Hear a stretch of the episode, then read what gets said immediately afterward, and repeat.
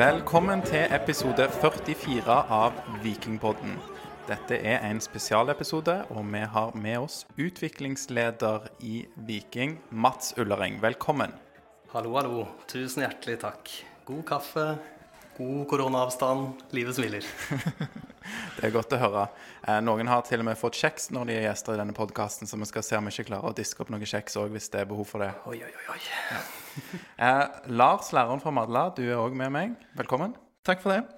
Og det er du som eh, kjører i gang. Vi har fått inn en rekke spørsmål med, til Mats. Du, eh, jeg tenker det er jeg som skal begynne, sier du. Men Mats, du skal få lov til å begynne med å introdusere deg sjøl og fortelle litt om deg. Eh, utover det at du har eh, fem kamper og ett mål for Vaulen 2 mellom eh, 2013 til 2016. Ja. Eh, ja. eh, 33 år gammel.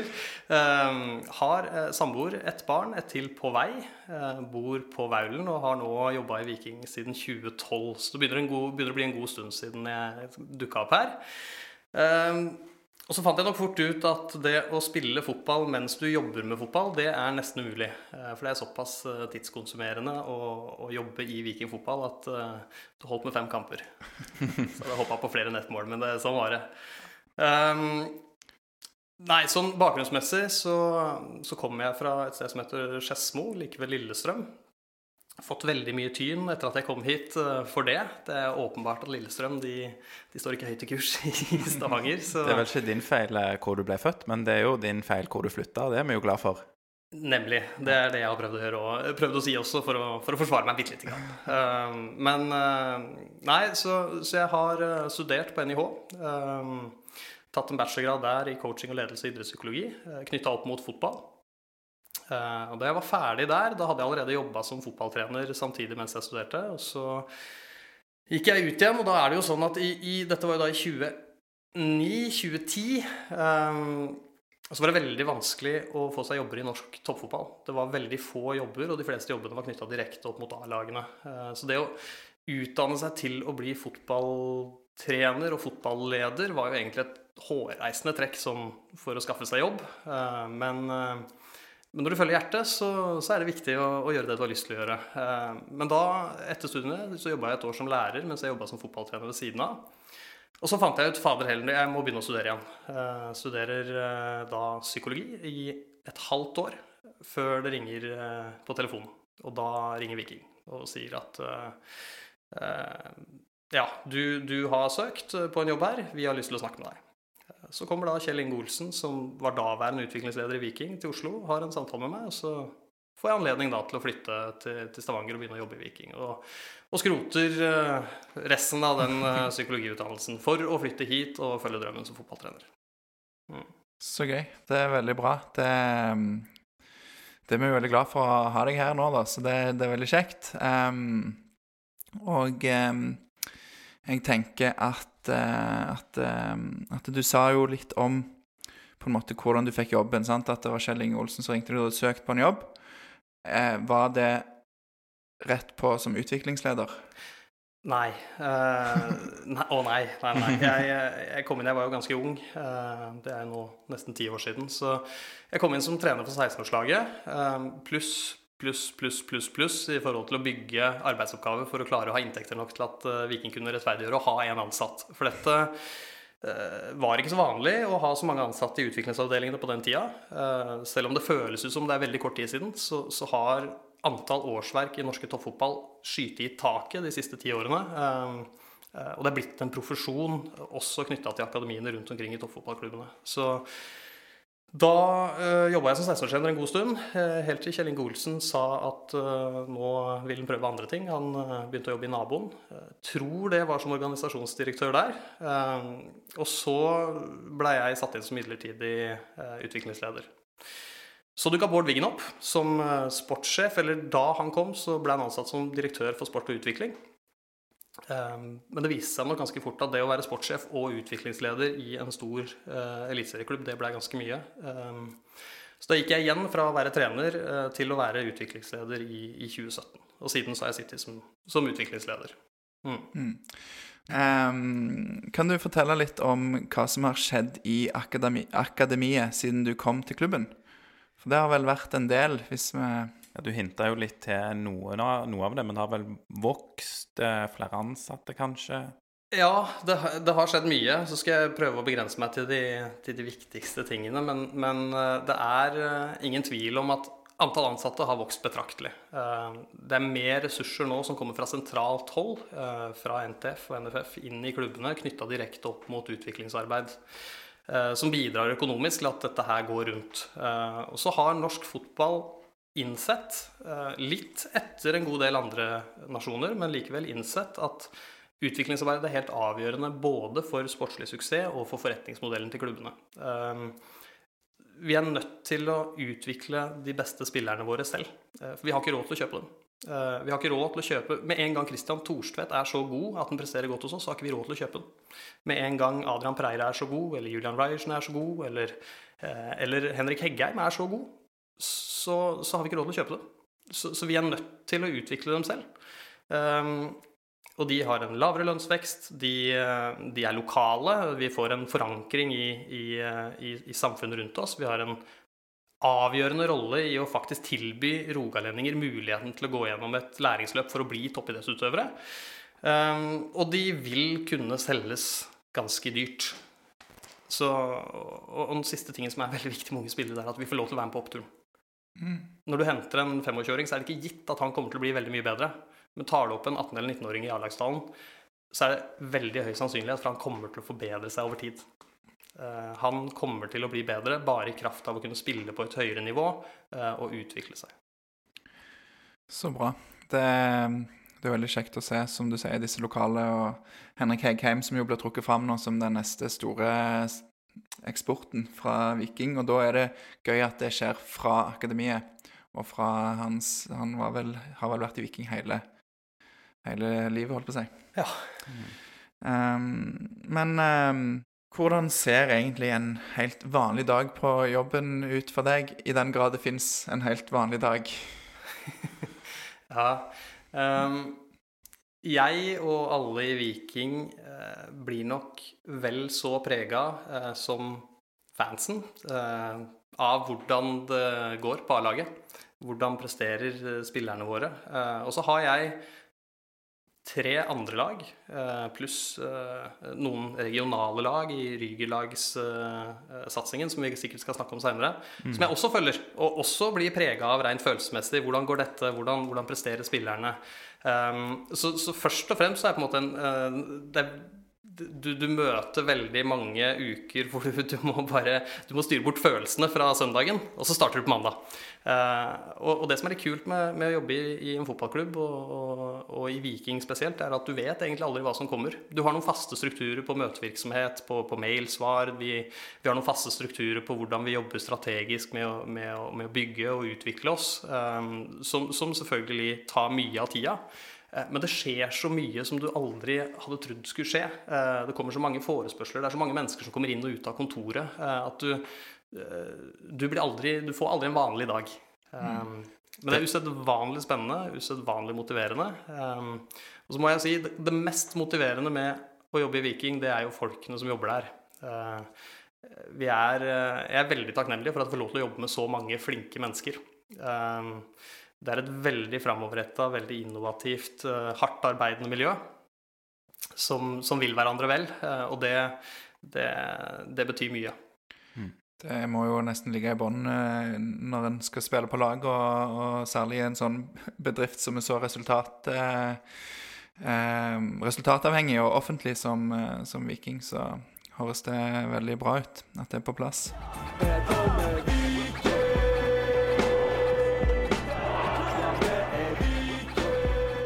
Du sier du har et kontor, men hva så er det, Går det mye tid på Ja, for det ryktes eh, nemlig at eh, du ikke har et kontor fordi at du har så mange møter at du ikke trenger det, Mats. Stemmer dette? Ja, nå har jeg blitt litt flink på å flytte møtene inn på kontoret. Eh, Men vi har jo møterom oppe i fjerde etasje som ofte benyttes. Eh, Men nå den siste tida har jeg faktisk fått et litt større kontor, så da, er det litt enklere å flytte, flytte møtene inn der. Eh, Men det er klart, det, det er veldig mye som skjer. Eh, Det er veldig mange mennesker å, å forholde seg til og snakke med og følge opp. Eh, Bare i min avdeling så har vi 14 fulltidsansatte og 7 deltidsansatte som igjen da skal lede sine eh, grupperinger, enten det er samarbeid, eller om det er et lag, eller om det er rekruttering, eller hva det er for noe. Hvor du igjen blir kobla på prosesser. Så det er klart det er, det, det er mange ting som skjer. Men det er jo det som er moro, det som er spennende, og det som er motiverende. Og du sier fjerde etasje, da, så du er i fjerde etasje i Jåttåvågen, eller møterommet er der? Ja. det er der oppe disse losjene er. På, på kampdager så er det en haug med losjer, og de bruker vi som, eh, som møterom eh, når vi trenger det. Og så du har din dag, ditt daglige arbeid i Jåttåvågen, og du er lite på Eiganes, f.eks.? Ja, jeg, det er vel kanskje en annen ting som jeg kunne ha nevnt tidligere i forhold til utvikling i, i Viking og Vikingakademiet. Eh, For jeg hadde kontor på Eiganes tidligere. Eh, Da jeg kom hit, så var det kontor på Eiganes, og utviklingsavdelingen var på Eiganes. Eh, Men nå de siste årene, etter at kunstgresset ble lagt i, i Jåttå, så, så flytta hele akademiet ut på Jåttå. Eh, Noe som har gjort underverker for vårt samarbeid med A-laget. eh, Gjort underverker for vårt samarbeid som organisasjon eh, og som helhet. Eh, Nå møter du og snakker med markedsavdelingen og økonomiavdelingen og daglig leder hver dag. Det gjorde man ikke før. Eh, Så den nærheten eh, og den måten det har spilt seg ut i en fantastisk god kultur eh, og et fantastisk godt samarbeidsklima, eh, det har vært helt avgjørende for akademiet og, for de som er ansatt her. Mm, kult. Så bra. Um, jeg vet ikke om du vil ta det der med, som du har fått litt insight på, på Ja, når vi vi snakker om møter. Jeg begynte jo for dette med at du ikke har eh, kontor, eh, Mats, som eh, visstnok da bare er et rykte. Du påstår du har et kontor, men, men dette med møter altså det er, en, det er en sang om deg som heter Møtemannen. Stemmer det? Ja, det, det dukka opp en sang på et, eh, på et julebord en gang, eh, litt utpå kvelden der, som eh, Det er vel eh, en av de ansatte i akademiet, Marius Kloster, som, som har eh, Han har eh, mye, mye spillopper og mye moro i seg, så, så han hadde satt seg ned og skrevet en, skrevet en sang som het 'Møtemannen'. Det er helt riktig. Kan du synge den for oss? Uh, ja, det kan jeg, uh, men uh, da skal vi først ta et par øl, og så skal vi møtes seinere i kveld. Ja, OK. Da får vi gjøre tingene i riktig rekkefølge, høres det ut som. Ja. Ehm, du eh, nevner jo dette, Mats, eh, at dere flytta fra Eiganes til Jåttåvågen på et tidspunkt. Eh, Når var det det skjedde? Det skjedde samtidig som kunstgresset ble lagt eh, i 2017. Eh, så da, da flytta vi hele gjengen over og, eh, og fikk kontorlokaler der borte. Ja, og vil det da si, altså for at vi har skrevet her et spørsmål om eh, bredde versus akademi og barne- og ungdomsfotball versus akademi. Så bredde er, vel, bredde er vel for voksne, og barne- og ungdomsfotball er for barne og ungdom. Men da er det en del som er igjen på Eiganes, er det ikke sånn, som er barne og ungdom? og, ja, og det, det tror jeg det, det kan være greit å prøve å ta de overordna linjene på, for det, det er ofte en sånn en, en misforståelse eller en, en, en sak som ikke alle helt har oversikt over, og det skjønner jeg veldig godt, for i bunn og grunn så er jo det som skjer på Jåttå og det som skjer på Eiganes, det er Viking. Vi er akkurat den samme klubben. Eh, Men så har du Viking Fotball AS, som, som, som eier de kommersielle rettighetene, og som også finansierer elitedriften. Eh, De eh, betaler for akademiet, og de betaler for, for A-lagsdriften og det som skjer ute på Jåttå. Så, så alt som på en måte skjer der ute, er knytta opp mot eh, toppspillerutvikling og knytta opp mot vårt topprodukt. Mens det som skjer ute på, på Eiganes, er Viking fotballklubb, bredde- eller bydelsklubben Viking fotballklubb, som har lag fra 5 til 19 år eh, for alle. Eh, Mens hos oss så, så starter vi med akademiet på 15 år. Eh, og så har vi også noen tiltak som Rygilaget, som er et regionalt eh, eh, tilbud til, hvor klubbene i bydelene nominerer en spillere mellom 12 og 14 år som kan komme inn og trene to ganger i uka med våre trenerkrefter. Og Det er et tilbud som har kommet fram som et ønske fra klubbene selv, fra bydelsklubbene, i etterkant av en prosess hvor vi har sittet og diskutert med de, hvor det har vært en del diskusjoner om det var riktig av Viking å hente spillere tidlig eller sent. Mm. Så har man da kommet fram til at dette er en modell som fungerer godt. Eh, og så er også trenerløftet og, og samarbeidsprosjektet vårt eh, ute på Jåttå. Mm. Vi skal komme litt mer tilbake til dette med samarbeid med, med andre klubber, for det er vel òg noe som eh, Ja, du er inne på det allerede, da. Det kan være eh, sikkert eh, oppstå litt sånn konflikter og uenigheter der òg, så det er viktig at det blir gjort på en, eh, en god måte. Men det kommer vi tilbake til. Um, hvor stort er akademiet? Altså antall spillere og nivåer og Um, vi, har da, vi har da et 15-årslag, et 16-årslag, et juniorlag, eller Viking 2. Um, det er på en måte de lagene vi, vi drifter i akademiet, uh, og, og, er uh, akademilagene våre. Mens vi i tillegg da har et, et regionalt prosjekt på, på Rygelagene, som, som er Rygelag 13 og 14, og nå til neste år også 12. Um, som er et tilbud hvor vi får inn spillere fra andre klubber som ikke er våre lag. Men, men de som jobber med det, er en del av vårt akademi. De, de har gjerne andre roller i akademiet i tillegg. Um, og deres viktigste oppgave er å sikre at disse spillerne får en, uh, en god fotballreise fram mot å uh, kunne ta steget til å bli en del av et akademilag på 15-årslaget. Mm. og i neste steg kunne ta steget til å, til å realisere drømmene sine som fotballspillere. Kanskje de bare skal ta det med en gang da, med andre klubber. altså for Du kommer litt inn på det nå. Eh, du nevner jo dette om eh, samarbeidet med andre, og at Rygerlaget da er et tilbud til, til regionen. Men, eh, men, er det sånn at dere snapper opp, for å bruke det uttrykket, da, eh, spillere fra andre klubber på denne måten, eller? Ja, eh, det er et tilbud som, som, som handler om eh, flere ting. Først og fremst så handler det om å gi et godt sportslig tilbud til så mange som mulig eh, av de som vil mest og, og, og ligger lengst framme i løypa i regionen. Uh, men det er også selvfølgelig et ledd i å, å, finne ut hvilke fotballspillere i regionen her er det som er så langt framme at de kanskje kan melde en overgang til Viking når vi, når vi kommer til 15-årslaget. Mm. Um, og det er en, det er en en, en sak som, som, jeg tror aldri man blir helt ferdig med å diskutere i, i, norsk fotball. Når er det rette tidspunktet for en fotballspiller å melde en overgang fra en bydelsklubb til en toppklubb? Eh, og det er nok heller ingen fasit. Eh, vi sitter ikke med svaret. Kan, noe kan passe for noen, andre kan, kan, det passe helt andre ting for. Så, så det, vi vi har klart, tror jeg, å finne en modell som, som, gjør at vårt behov for å være med å påvirke de fremste fotballspillerne eh, i 12-13-14-15-årsalderen eh, blir dekka, eh, og at bydelsklubbenes behov for å ha de fremste fotballspillerne hos seg så lenge som mulig, også, også blir dekka. Eh, og vi skal huske på at det er snakk om et veldig veldig lite antall fotballspillere fra bydelsklubbene som faktisk ender opp med å spille fotball i Viking. Så, så det, er ikke, det, er ikke, sånn at vi tømmer bydelsklubbene helt for fotballspillere. det er det ikke. Dette er vel òg eh, med Altså gagner vel òg bydelslagene, fordi de får en ekstra arena der de får møte andre som er på kanskje et høyere nivå, og som da kan ta, egne, altså, ta skritt i egen klubb, da. Ja, eh, det er mange av de spillerne som, som er med på Ryger-laget, som, som, ikke kommer til å begynne å spille fotball i Viking. Eh, og Da er det en anledning for de spillerne til å komme tilbake og være med på å dele av den kunnskapen og den kompetansen de har fått gjennom deltakelse i Ryger-laget, med med de andre spillerne eh, på laget sitt. Så, så, det er også med på å forsterke lagene rundt oss, absolutt. Mm. Så vi har fått et uh, lytterspørsmål fra Lasse Drage, som òg har vært gjesteprogramleder her i podden, og er G14-trener i Viking. Så han er jo ja, har noen links inn mot, mot klubben på forskjellige måter. Og han lurer på altså Du nevner dette med Rygerlaget, men når starter og slutter rekrutteringen av spillere fra andre klubber?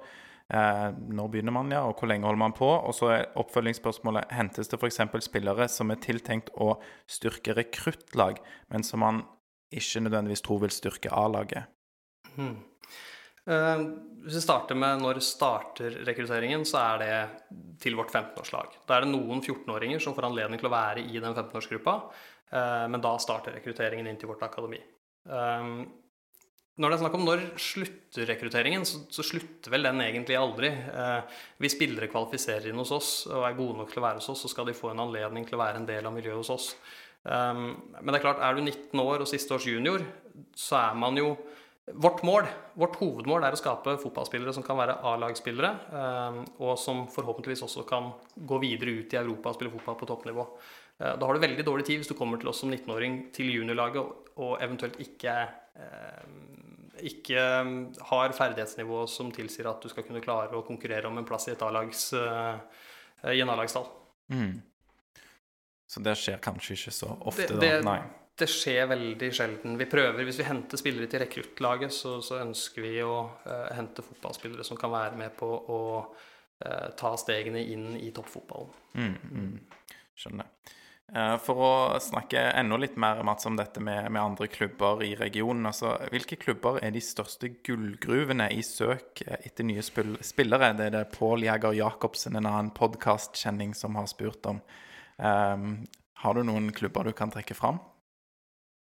Eh, vet du hva, Det sprer seg ganske godt ut. altså. Eh, det er mange klubber som driver veldig godt. Eh, og så er det jo naturlig at de største klubbene med, med størst tilfang av spillere også leverer flest spillere til, til Viking. Men jeg, det, er- ingen som på en måte står fram som den klubben som alltid leverer spillere. Det er det ikke. Men det, det er mange gode miljøer i, i Stavanger som, som leverer gode spillere, altså. Mm. Er det noe forskjell der òg? Altså, er det enklere for dere å rekruttere fra Stavanger-klubbene enn fra eh, si Sandnes og andre kommuner som ja, kanskje Sandnes Ulf, Bryne, andre prøver å snappe opp eh, spillere fra? Jeg tror eh, det er mange spillere som, som ønsker å spille fotball i Viking, og, og vi har mange spillere som ikke kommer nødvendigvis fra området rett rundt Stavanger, i akademiet allerede. Eh, og vi, vi tar selvfølgelig imot de fremste fotballspillerne i regionen, uansett hvor de kommer fra. Eh, og vi er veldig opptatt av det, for vi, vi vil jo ha de fremste fotballspillerne til Viking. Eh, men det er klart, konkurrenter, ja det har vi. Det Sandnes Ulf og Bryne, det er, det er konkurrenter, og det, det må vi bare forholde oss til. Og så, så må nesten spillerne få lov til å velge hvor de skal spille fotball. Mm. Mm. Det, for oss som fans, da, så skal det jo Viking på en måte være det største navnet og, trekke mest. Så eh, tenker jeg at om du kommer fra, fra Sandnes, så bør jo òg Viking fortsatt være, den, være klubben din. Tenker du ikke det, Alexander? Det tenker jeg absolutt, og jeg vet jo det fra Jeg har jo masse venner fra Sandnes òg, og det er klart at det er jo en del folk i Sandnes som holder med Sandnes Ulf, men særlig hvis du er utenfor bygrensen til Sandnes, så begynner folk å holde med Viking igjen ofte. Eh, så det syns jo jeg er veldig, eh, veldig kult, og for all del. Eh, jeg ønsker jo Sandnes på en måte mye godt som en slags farmerklubb til Viking i Obos. Eh, det, det er i hvert fall det jeg ønsker. Så, eh, så det er positivt. Og det, det så vi vel i eh, går. Nå stjeler jeg noen andre sitt poeng, men det var tidligere vikingspillere som spilte for Sandnes i går. Så ja. Ja, ja vi, vi hadde vel fire stykker utpå der som, som har spilt i Viking, og, eh, og, og gått akademiveien i Viking også, faktisk. Så det, det, det er veldig kjekt. Um, og så tenker jeg at konkurranse, det spisser oss, det. Vi er nødt til å ha konkurranse. eh, og så er det vårt ansvar ansvar, vår jobb, å sørge for at det vi gjør i Viking, det er så godt at det skal ikke være et alternativ hvor du skal gå for å bli toppidrettsutøver. Mm. Viking skal være det absolutt desidert beste stedet å gå. Um, ikke bare i Rogaland, men i Norge. Mm. Um, og vi er nå, på, på en del lister, så er vi også vurdert som et av Norges absolutt sterkeste akademier. Um, og det, det skal vi ikke, og jeg håper ikke det framstår som lite ydmykt, for det, det, det, er ikke det jeg ønsker. Men, men jeg ønsker å, å være tydelig på at vi har veldig høye ambisjoner. Vi har veldig høye mål. Uh, vi ønsker å være best i landet, og vi ønsker å nærme oss de beste i, i, i Skandinavia på sikt. Um, så at det skal være bra for deg å være fotballspiller i Viking hvis du ønsker å bli toppidrettsutøver, ja, det skal det være. Eh, ta bare Smyg inn et par litt sånn andre type spørsmål her. Eh, vi har fått en del inside information som er, er litt, eh, er litt uh, gøy. Uh, spørsmål her. Hva er det beste med å jobbe i fotballen, og hvorfor er det La Manga? Det er et spørsmål uh, som mange har kommet inn. Nei, livet er aldri så bra som når du er på La Manga. Du, da, da er det Vi har Årlig så drar vi på seminar til La Manga, alle, alle utviklingslederne i, eh, i Eliteserie Obos-ligaklubbene eh, og et par trenere. Det, det, det er en tradisjon. Det gjør man hvert eneste år. Veldig tøft fagseminar. eh, Åtte til seks hver dag så, så jobbes det. eh, Så det, det er tøffe, tøffe dager. Eh, Men det er et eller annet med sola, et eller annet med, med, med samholdet, et eller annet med på en måte litt sånn skuldrene nede som, som gjør at den uka der er fantastisk, altså. Det er den. Eh, Bortsett fra at det blåser som juling der borte, da. Så du, du, du kommer alltid hjem forkjøla. Så, hjelper det litt på hjemlengsel òg, kanskje. Det at det blåser så mye. Vi takler det bedre enn en gutta fra Østlandet, ja, det er helt riktig. Eh, det ryktes òg at eh, Mats, du ikke er så sterk på sterk mat. Er det en av grunnene kanskje til at La Manga lokker litt ekstra med denne plaine, kjedelige sydmaten, eller eh, Ja, nei um, Jeg syns jo for så vidt sterk mat er godt, jeg. Jeg har bare en kropp som, som ikke Han liker det ikke like godt som, som Altså, smaken er god, men kroppen takler det ikke så godt. Så det, det, er, eh, det er mye Det er en kliss våt nese, i hvert fall, hver gang jeg spiser noe som ligner på chili. Det er det. Så, men det, det lever jeg godt med.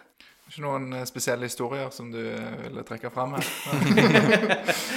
Nei, jeg har Det var, var i Syden for, for noen år siden hvor det, med, med en guttegjeng. Eh, og så er det jo varmt, og så, så får vi en forrett med litt chili, og så tenker jeg dette går jo fint. Eh, eh, men da blir jeg altså så ufattelig, og da er det ikke bare nesa, da er det hele kroppen. Altså det renner av hele kroppen min i løpet av ti minutter der. Eh, så da, da var det bare å smelle en, en 50-eurolapp i bordet og si takk for nå, og så var det å gå hjem. Altså det, det var, så var det å bestille en pizza, sette seg på hotellrommet og vente på at de andre var ferdige med å spise. Så det, er, det slår, slår litt ordentlig ut innimellom, det gjør det. Skjønner. Nei, men da er det kanskje bedre å kjøle seg ned på hotellrommet på egen hånd eh, innimellom. Så ja. Jeg er god på aircondition, altså. um, Når vi gjorde research til episoden, så har vi jo kontakta litt eh, folk som kjenner deg og, og kjenner Viking. Og noe av det de mente var viktig at vi skulle spørre om, var hvordan er hverdagen for unge spillere i Viking? Ja, det er jo et uh, stort spørsmål. Um, som det selvfølgelig er veldig vanskelig å svare på i, i korte, korte uh, setninger. Men jeg skal prøve. Uh, først så tror jeg vi skal gå litt til et annet sted, og så skal vi hoppe tilbake igjen. jeg snakker litt om kraft og kjærlighet, som dere kanskje har sett dukke opp i forskjellige sammenhenger. Um, i, i, promotering av Viking og i, i sammenhenger hvor vi, hvor vi viser oss fram i sosiale medier, f.eks. Mm. Kraft og kjærlighet er to kulturelle pilarer som betyr veldig mye for oss. og Det høres litt cheesy ut, men det har faktisk ganske mye å si for oss.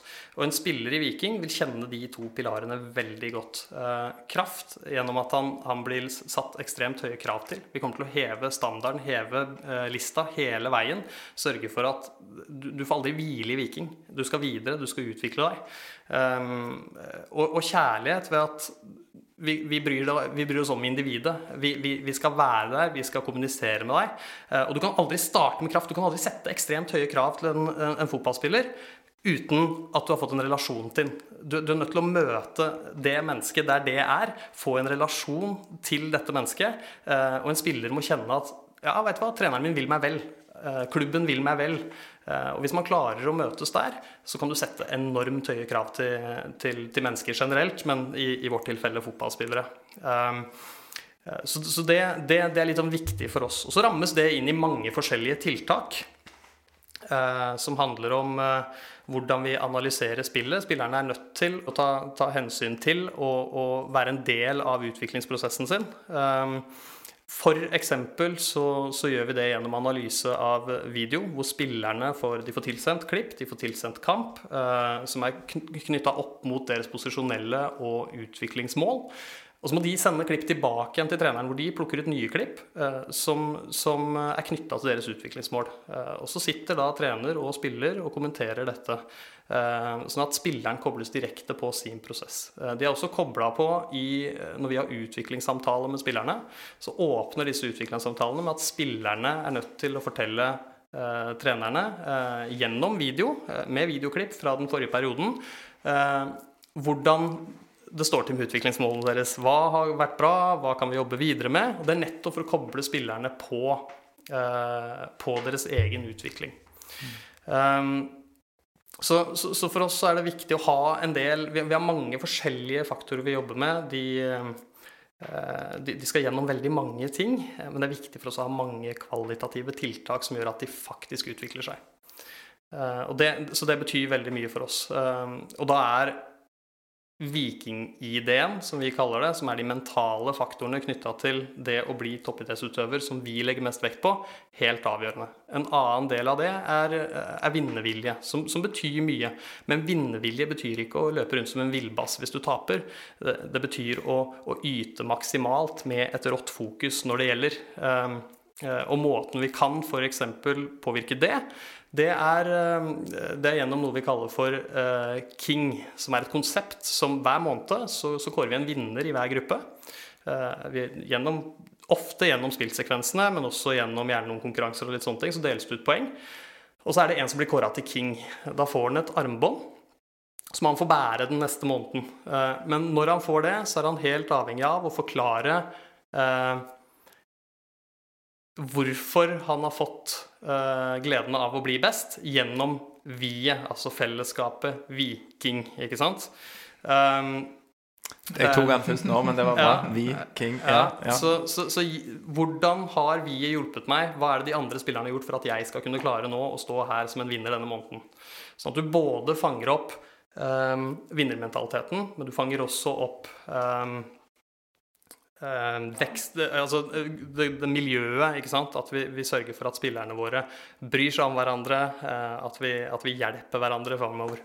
Eh, så det, det er veldig noen enkle eksempler, eh, men det tror jeg er det viktigste. For, for for meg så er det kultur, kultur, kultur. Du er nødt til eh, å skape en god kultur hvis du skal kunne klare å utvikle det.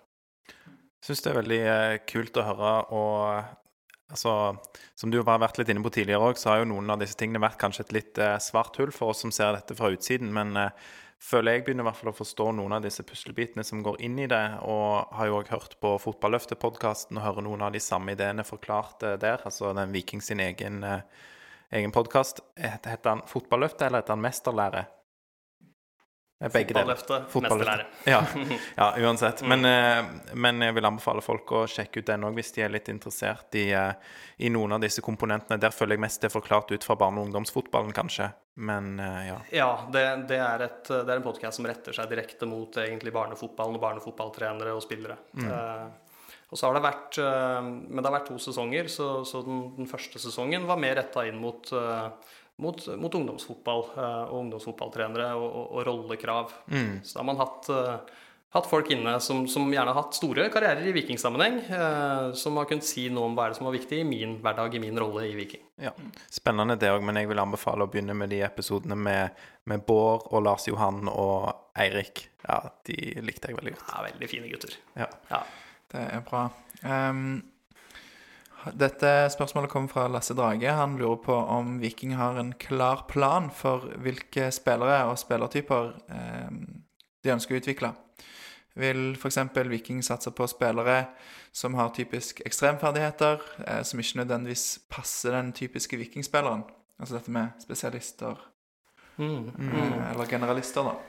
Jeg tror Hvis jeg skal svare på det spørsmålet, eh, så, så skal vi først se på hva, hva er målet vårt. Hva er, det, hva er det vi skal utdanne spillere til? Det, det betyr ganske mye. Vi må vite hvor vi skal for å vite hva vi leter etter. Um, og vi har to ting som på en måte betyr en del for oss. Uh, det er åpenbart at vi har et mål som, uh, som er å skape fotballspillere til A-laget vårt som er så gode at de kan selges videre til topp 15-ligaer top 15 i Europa. Eh, Det er den ene delen av det. Den andre delen er jo at vi skal skape fotballspillere som er så gode at de kan gå ut og spille fotball i toppfotballen andre steder. For det er ikke plass til alle. Det er ikke plass til alle i Viking, dessverre. Eh, Men vi skal gi de alle spillerne, i hvert fall så mange som mulig, verktøy som kan gjøre at de kan ta med seg det videre ut i andre klubber. Eh, Og hvis lista ligger på topp 15-ligaen i Europa, da er vi nødt til å vite hva er det det spillet krever av oss. Og så er det én ting til. Og det er at vi utdanner fotballspillere som skal spille på det nivået om fem til ti år. Vi skal altså begynne å spå hvordan ser spillet ut i framtida. Eh, Så for oss så handler det om å ta spillet ute i Europa, se på hvilke trender er det som ligger der ute, hva er det som preger spillet, hvor er det vi tror spillet beveger seg, og hvilke krav kommer det til å stille til spillerne våre. Eh, Og så gå tilbake igjen og se hvordan skal vi jobbe da med spillerne, hvordan skal vi forme vår læringsskole, eh, og hva skal vi rekruttere etter. Um, og det er ikke noe tvil om at spillet der ute det har mange utviklingstrekk. Blant annet så er det en helt enorm forandring på, på taktisk fleksibilitet. Systemer forandrer seg fra, fra halvtime til halvtime, eller kamp til kamp, eller ikke sant. Du har, det går mye fortere. Uh, Du har mye kortere tid på ballen. Uh, Du, du sprinter mye oftere. Du, du har mange flere høyhastighetsløp. Um, du, eh, det er utrolig mange sånne type ting. Dødballer er blitt veldig viktig, eh, som vi er nødt til å ta hensyn til. Eh, Så når vi har gjort det, så har vi landa på hva vi ser etter eh, hos våre fotballspillere, og hva vi ønsker å utvikle. For det, det, det, det, betyr, betyr mye for oss at vi klarer å utvikle fotballspillere til det nivået vi faktisk skal utdanne dem til. Eh, Vi har en læresetning. Nå kommer svaret. Vi har en læresetning. Eh, vi leter etter potensialet og ser etter de som vil mest. Det på en måte rammer inn hva er det vi ser etter når vi ser etter fotballspillere. Eh, potensialet handler egentlig mest av alt om når vi skal begynne å rekruttere fotballspillere som er et eller annet sted mellom 14 og 19 år da, i akademiet, så er den biologiske aldersforskjellen så stor innad i hvert alderskull at hvis vi skulle sette oss blinde på hvem som løper fortest eller hopper høyest, og som sånn sett også da gjerne ofte preger kampene mye, så velger vi ofte ut feil spillere. Og det er veldig mange av de fotballspillerne vi ser gå gjennom systemet vårt, som har vært sent biologisk ute. Adrian Pereira var ikke tidlig ute. Julian Reiersen var ikke tidlig ute. Henrik Heggheim har ikke vært veldig tidlig ute. Altså, det er mange fotballspillere som, som, vi er nødt til å ta vare på, til tross for at de kanskje ikke er sterkest og raskest akkurat nå. Og så må de være dedikerte. De må ville dette her. Virkelig, virkelig ville det. Vi må se det lyser av øya deres. De må, de, må, de må komme på trening og ønske å bli bedre hver eneste gang. Hver eneste dag. Um, og klarer du det, hvis du, hvis, du, hvis du, klarer å ha gode ferdigheter, og så kobler du det med dedikasjon, da har du talentet. Mm. Og det hørte jeg eh, i en podkast eh, senest i går som heter Sidelinja, med eh, Ørjan, Grø Grødem og en til som jeg ikke husker navnet på. Men der var Morten Jensen da gjest, og han fortalte om dette med Adrian Pereira, som du nevner, og, og Julian Ryerson og Christian Thorseth. At han du kunne se på hele han at han ville bli best, og at det var kanskje det først og fremst som gjorde at de tok det siste steget da, fra å være god i Viking til å bli topp i Viking og bli solgt videre. Jeg tror nok det er det absolutt mest avgjørende. Så har du mange, mange faktorer i tillegg til det. Eh, blant annet bare det å takle presset. Det, det, det, er mer og mer trykk rundt fotballspillerne. Det er større og større krav. Du blir hunsa i sosiale medier hvis det ikke går bra. Du blir selvfølgelig elska hvis det går bra, men, men, det å leve i den der bobla der, det, det, er knalltøft. Og for oss å kunne utstyre spillerne våre med verktøy sånn, som gjør at de klarer å møte dette her på en fornuftig måte, det er veldig viktig. Eh, og så er det litt sånn hvis jeg får lov å fortsette litt, da, så, er det en del ferdigheter som vi, som vi har plukka ut, som er veldig viktige for oss. Eh, basert på, på, det vi vet, og det vi tenker om morgendagens spill. Eh, da er det eh, Vi er nødt til å ha fotballspillere som, som tar læring kjapt. Eh, som, som, handler raskt. Som beveger seg hurtig. Som kan dominere én mot én. Eh, som orienterer seg tidlig og har kontroll på hva som skjer rundt seg og, og, som har høyt omstillingstempo. Klarer de alle disse tingene der, kombiner det med eh, dedikasjon og et sett med gode basisferdigheter med ball, eh, ja, da har du en ganske god fotballspiller. Mm. Men vi må ta utgangspunkt i spillet, og hvilke krav stiller spillet. Og så må vi gå derfra. Mm. Du nevner nå, Mats, en del ting da, som, eh, som, kreves, og som dere ønsker av uh, spillerne i uh, Viking. Har du noe syn på hva ferdigheter dere har størst forutsetninger for å utvikle? For det, det er jo en del ting som er, mer, eh, som er større enn fotballen. Da, dette med mentale, og du nevner press og sånne ting. Men så har du de mer tekniske og fysiske ferdighetene. Har dere muligheter til å påvirke alt, og i hvor stor grad, vil du si?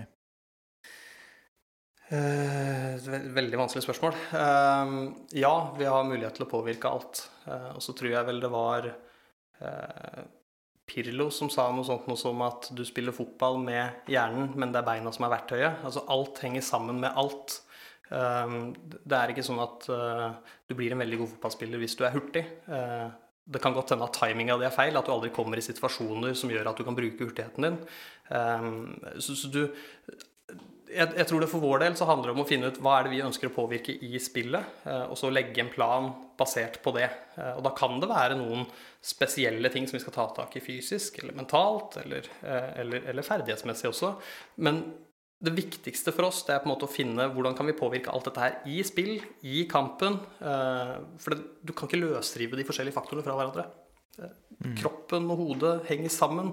Og det er handlingene dine, det er relasjonene dine til de rundt deg, det er forståelsen din av spillet som til sjuende og sist gjør hvor god fotballspiller du er.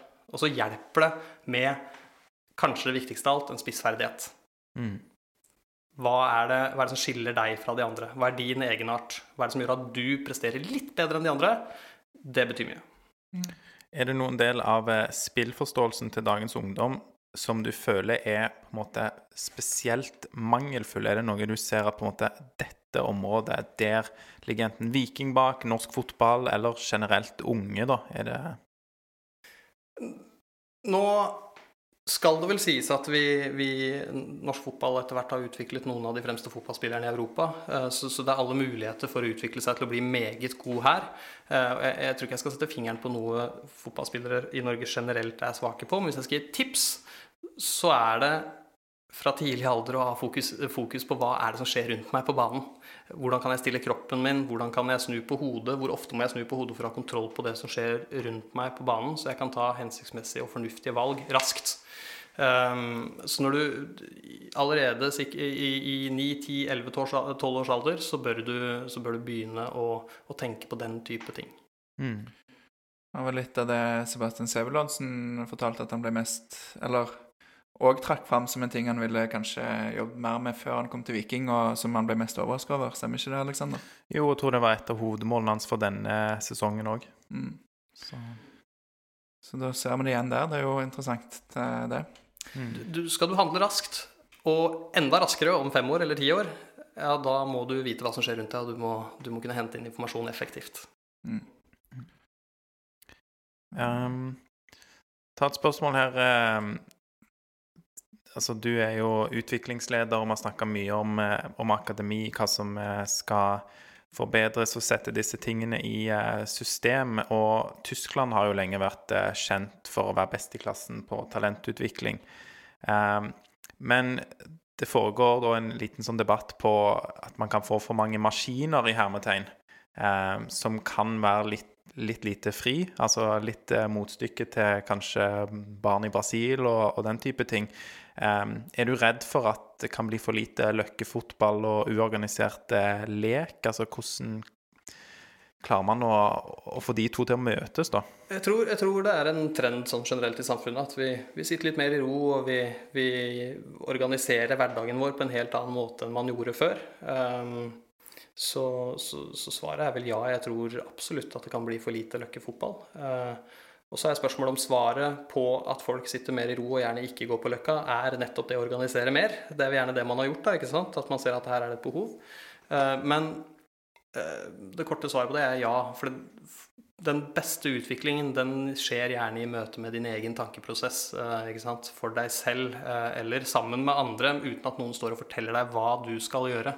Du lærer av situasjonen og kompleksiteten i den situasjonen. og, det det, det, får du selvfølgelig enda mer av hvis du får lov til å spille helt fritt. Eh, og så, så, tror jeg at eh, det kombinert med veldig gode miljøer, treningsmiljøer For hadde jeg ikke trodd på gode treningsmiljøer, så hadde jeg nesten måttet slutte med å gjøre det jeg driver med. kombinert med gode treningsmiljøer eh, hvor, hvor, man kan veiledes i rett retning, så vil du kunne få ganske mye godt ut av det. Så, men, men absolutt eh, egentrening, det Eh, og, og løkkefotball, det betyr mye. Og det betyr også, tror jeg, mye for motivasjon. Mm. Um, du nevnte jo dette at eh, Norge har produsert veldig gode spillere etter hvert. Og, og det er jo kjekt med mange stjerner, for å, for å kalle de det, da, som, som, gjør det bra ute i Europa. Um, vi ser jo likevel her at eh, nesten alle av disse kommer fra fotballfamilier. I alle fall eh, hvis man tenker på Ødegård og, og Braut Haaland. Eh, de har eh, Torstvedt. Torstvedt, sant. Har fotballfolk i ryggen, og gjerne da fra, kommer de fra familier med midler, selvfølgelig. Um, tror du vi har noen utfordringer der, og at vi ikke helt klarer å, å favne alle, og at vi bare blir fornøyd fordi at ja, de 15% av de beste, de gjør det bra? Rota jeg til spørsmålet litt på slutten, men jeg tror du skjønner hvor jeg vil hen. Ja, ja. ja um det er nok ikke noe tvil om når vi har gjort, vi har gjort en benchmark på, på, norske fotballspillere som er blitt solgt ut i Europa de siste ti årene også. Um, og, og den, den, kanskje aller viktigste faktoren der, det er jo hvem er mor og far? Mm. Har de drevet med toppidrett eller fotball på toppnivå? Uh, uh, og, og, og, nærmere 48% tror jeg, eller noe sånt, av de spillerne som, som er blitt solgt ut, har på et eller annet vis et familietre som tilsier at her er det noen som har drevet med toppidrett tidligere.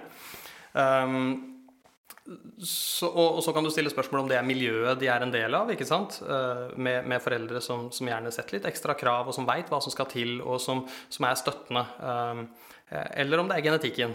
Det, det vet man jo ikke. Um, men men at det er mange av de som lykkes, det er det ikke noe tvil om. Eh, på den andre siden så, så, kan du også dra det inn mot eh, økonomi og forutsetninger eh, i familien din til å gi deg de mulighetene, ikke sant. Mm. Um, jeg kommer fra Østlandet, og, og på, på, østkanten i Oslo så er det vesentlig mindre eh, bemidlede mennesker enn det det er på vestkanten f.eks. Det er flere fotballakademier og, og, bedre betalingsdyktighet på vestkanten. Og det har resultert i at veldig mange flere fotballspillere nå går inn i, i, landslag og inn i kretslag fra Oslos vestkant. Mm. Mens østkanten har blitt hengende litt tilbake igjen.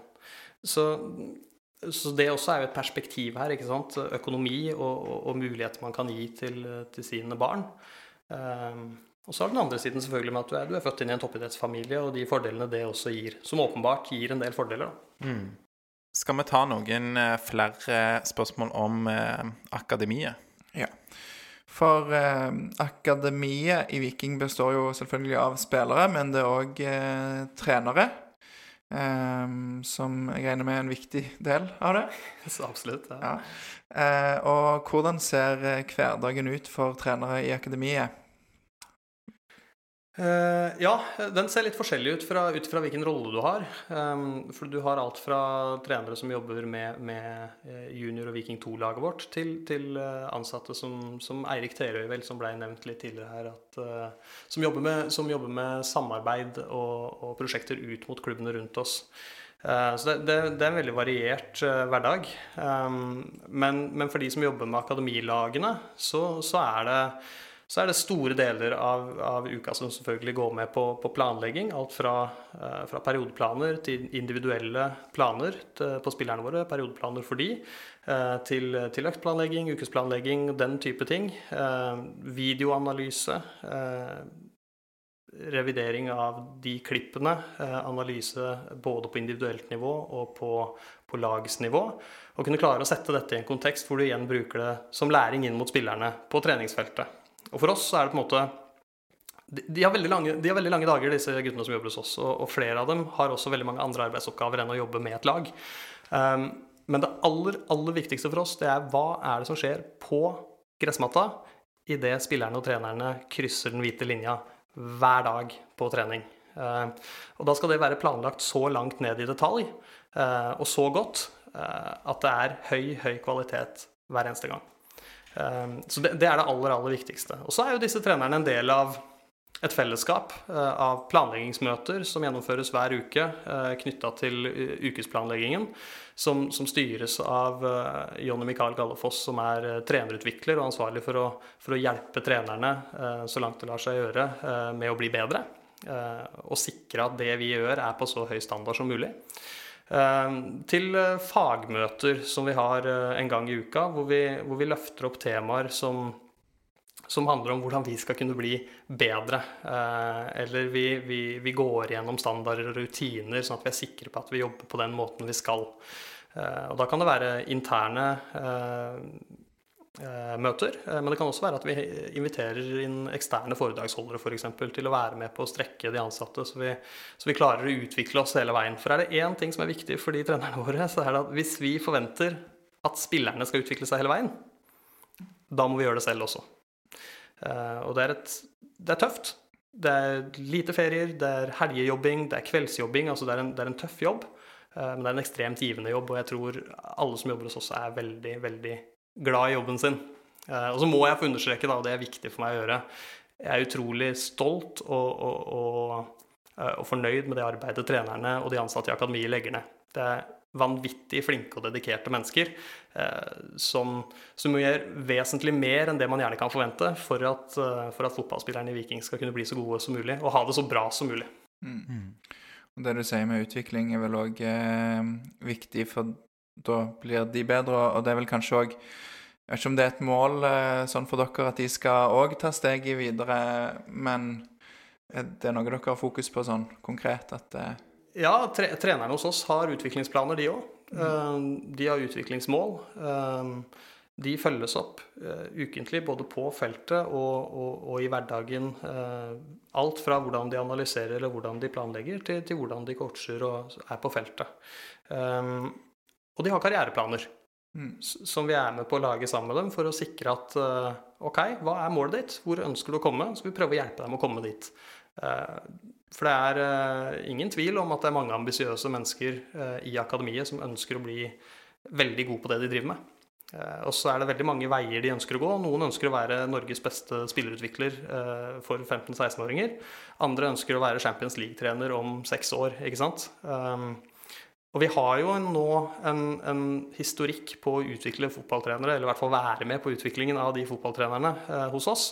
eh, til andre høyere og bedre nivåer. Eh, så både Hugo Vicente, som, som gikk til Famalicao og var eh, som, som, da, etter at han dukka opp der, som han var med i trenerteamet som assistenttrener der, så, så var de en toppklubb i Portugal. Uh, og vi har Mano Hervas, som, som, også har dratt ut og vært trener uh, nå i to klubber, faktisk, på europeisk toppnivå i forskjellige ligaer. som går da fra å være juniortrener og 16-årstrener i akademiet vårt. Eh, så at det er dyktige folk som jobber her, det er det ikke noen tvil om. Det, det er bra. Um, men vi har jo, uh, som du har skjønt, fått ganske mange spørsmål fra lyttere. Og en av våre mest lojale lyttere, som heter som sier, Eirik Bjørne, han, uh, han sier at data og analyse er et viktig verktøy for toppklubbene. Hvordan brukes dette i akademiet? Ja, um, ja, vi, vi, investerer faktisk en god del i det. Um, vi, vi, analyserer absolutt alle fotballkamper uh, vi spiller. Um, både på lagmessige uh, strukturer og vår spillidé. Hvordan, hvordan får vi til det vi ønsker å få til i spill? Hvordan ser laget ut? Hvordan ser relasjonene mellom spillerne ut? og på individuelt nivå. Um, basert først og fremst på spillernes posisjonelle, og, posisjonelle mål og utviklingsmål. Og så kommuniseres dette med spillerne gjennom et program som heter Huddle, som er et delingsprogram. Og så kommuniserer da spillerne tilbake igjen. Litt, og, så har prosessen vært Vi har snakka litt om det tidligere. Um, men det, det, er viktig for oss og et veldig veldig godt verktøy uh, med hensyn til å skape læring hos, uh, hos, spillerne. Det å få lov til å se seg selv i den konteksten du, du skal lære, det, det, det er viktig. Um, og så er det viktig at spillerne tar et eierskap til det. Mm. Og dette har jeg forstått at brukes òg opp på, på A-laget, så da, når de tar det steget, så er det jo òg en kompetanse som de har med seg fra akademiet. Ja, og, og analyse og data generelt sett. Uh, det er enormt uh, det, det, er på frammarsj i Europa, eh, og, og, og, også i Norge. Vi har ikke de ressursene som man har ute i Europa, hvor man gjerne har en, sant, i, i, flere av de store klubbene gjerne 10-12 analytikere ansatt og et, og et forsknings- og datateam. ikke sant? Um, men vi må, vi må, tenke smart. Vi må bruke de ressursene vi har, på å, å jobbe på, på, et fornuftig vis for å få maks ut av de ressursene vi har. og Eh, der er vi godt på vei på analyse. Eh, og så jobber vi nå også med andre områder knytta til data. Eh, og vi bruker jo data aktivt, bl.a. inn mot rekruttering til, til, til A-laget. Mm. Og ellers så bruker vi jo andre teknologiske eller digitale hjelpemidler. Med GPS på, på de eldste spillerne våre. Tilstandsmålinger. Vi måler høyde, vekt. altså Det er mange sånne type ting. Og så, så henter vi også ut objektive data om spillerne. som vi, Alt fra på en måte, hva slags belastning du har hatt, hvor mange treninger du har hatt, hvor mange kamper du har hatt, hva har du trent på, hva har du ikke trent på, uh, uh, hvordan har du prestert, osv. Så, videre. så vi, vi, samler en ganske stor datamengde knytta til spillerne våre. Så på den ene siden så er det viktig for oss å kartlegge hvor er det de står, sånn at vi kan hjelpe dem videre. For på den andre siden så er det, det, er fint å vite hvor de står, men, men, spørsmålet er jo hvordan kan vi hjelpe dem med å lære? Hvordan kan vi sørge for at de blir bedre? Uh, og vi bruker data og analyse til begge deler. Mm. Det, det, er bra. Um, Håvard Sande har eh, et eh, spørsmål, og han lurer på Er dere i Viking bevisst på at de aldersbestemte lagene har samme spillestil og samme formasjon som A-laget? Hvorfor eller hvorfor ikke? Mm. Um, Nei, eh, vi har, eh, vi har ikke samme formasjon. Uh, Og det, det handler litt om, som, som jeg nevnte tidligere, at fotballen er i ferd med å bevege seg dit at strukturen eller formasjonen da, i, i det vi gjør, eller systemet, det, det er ikke så vesentlig. Eh, Men det handler om Vi har en del overordnede prinsipper eh, som, som vi følger, som A-laget følger, og som vi følger, eh, som er viktige for oss, og som er på en måte litt sånn kulturbærere gjennom hele klubben. Sånn skal det se ut. Du, når du ser et vikinglag, så skal du, skal du se dette. Um, og så har vi en prinsippbasert eh, modell som, som er knytta mer opp mot konsepter i de forskjellige fasene. Um, men det kan vi gjennomføre uavhengig av formasjon. Og det, den friheten er vi nødt til å ha. fordi la oss si at vi har de to skarpeste spissene i landet i Viking sitt 16-årslag. Da blir det passe meningsløst å sette han ene på benken fordi vi spiller 4-3-3. Eh, Så, det kan ikke vi gjøre. Eh, Vi er nødt til å forberede de spillerne på det som kommer senere. Eh, Men, men to-laget vårt To-laget vårt spiller mye tettere på det A-laget gjør, enn de, de lagene som spiller lenger ned i systemet. Eh, For der er man så tett på. Eh, Der er man nødt til å på en måte eh, begynne å lære seg rollene og koble seg tettere på A-laget. Og dette er jo òg for utviklingen til spillerne, så tenker jeg, jeg bare for å dra en historie fra, fra når jeg var, bodde på Lillestrøm som ungdom. Eh, og da kom en kjenning av Viking som heter Tom Nordli inn i klubben. Og da var de veldig på at hele klubben skulle spille 4-3-3. Eh, og vi var, jeg var på toerlaget, vi var et ganske OK toerlag. Og så la vi om til 4-3-3, og vi fikk det jo ikke til. Så det endte jo med at eh, flere slutta, og det var ikke noe kjekt. Så og da Det er dårlig utvikling hvis, eh, hvis en Ja. Ja, jeg, jeg, Så vi må det- lære av Lillestrøm sine feil. Ja, det det, tror jeg absolutt er smart. Nei, jeg tror eh, men, men det betyr ikke at vi ikke skal fremstå likt på banen. Eh, Vi skal ha eh, lignende spillestiler og, og like pri prinsipper. Men det er klart, A-laget vi, vi har jo fordelen av å jobbe med fotballspillere som skal utvikle seg over tid, og som på en måte har et mål lengre fram i tid. For oss er det kjempeviktig og moro å vinne fotballkamper, men det er ikke det viktigste. Det viktigste er at laget og spillerne utvikler seg, så de kan ta ett steg nærmere drømmen sin. Eh, mens A-laget vårt de skal vinne fotballkampen, og de må gjøre akkurat det som skal til for å vinne hver eneste fotballkamp. Eh, og da, da, da vil vi nok spille på litt andre eh, måter, og, og gjerne litt noen andre prinsipper, men, men i bunn og grunn så har vi på en måte det samme DNA-et. Det er jo litt som å høre Morten Jensen. dette her, Han har jo også, For det at formasjonen har egentlig ingenting å si, og at det er spillestil og DNA som skal være, eh, være gjenkjennbart.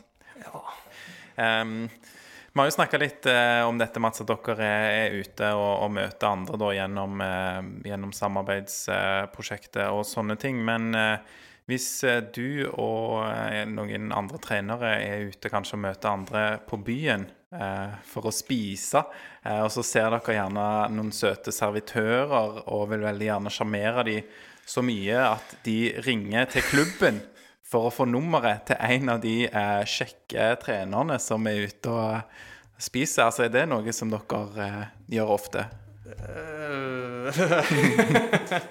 eh, nei, jeg vil ikke si det. Det, det skjer ikke ofte, det. Men, men det har skjedd en gang, ja. At det har kommet en, uh, kommet en mail med, eh, fra en som har servert, servert oss på Vi var tre stykker, da. Det er ikke så lett å vite hvem av oss tre det var. Men det kom en mail i etterkant som, som ville ha kontaktinfo på eh, en fyr eh, hun prøvde å beskrive gjennom, gjennom mail. Men det, Og det kan ha vært deg, eller? det kan ha vært meg, det kan ha vært en av de andre. Det, det er ikke lett å si. Høy og mørk med, med ruller. Nei.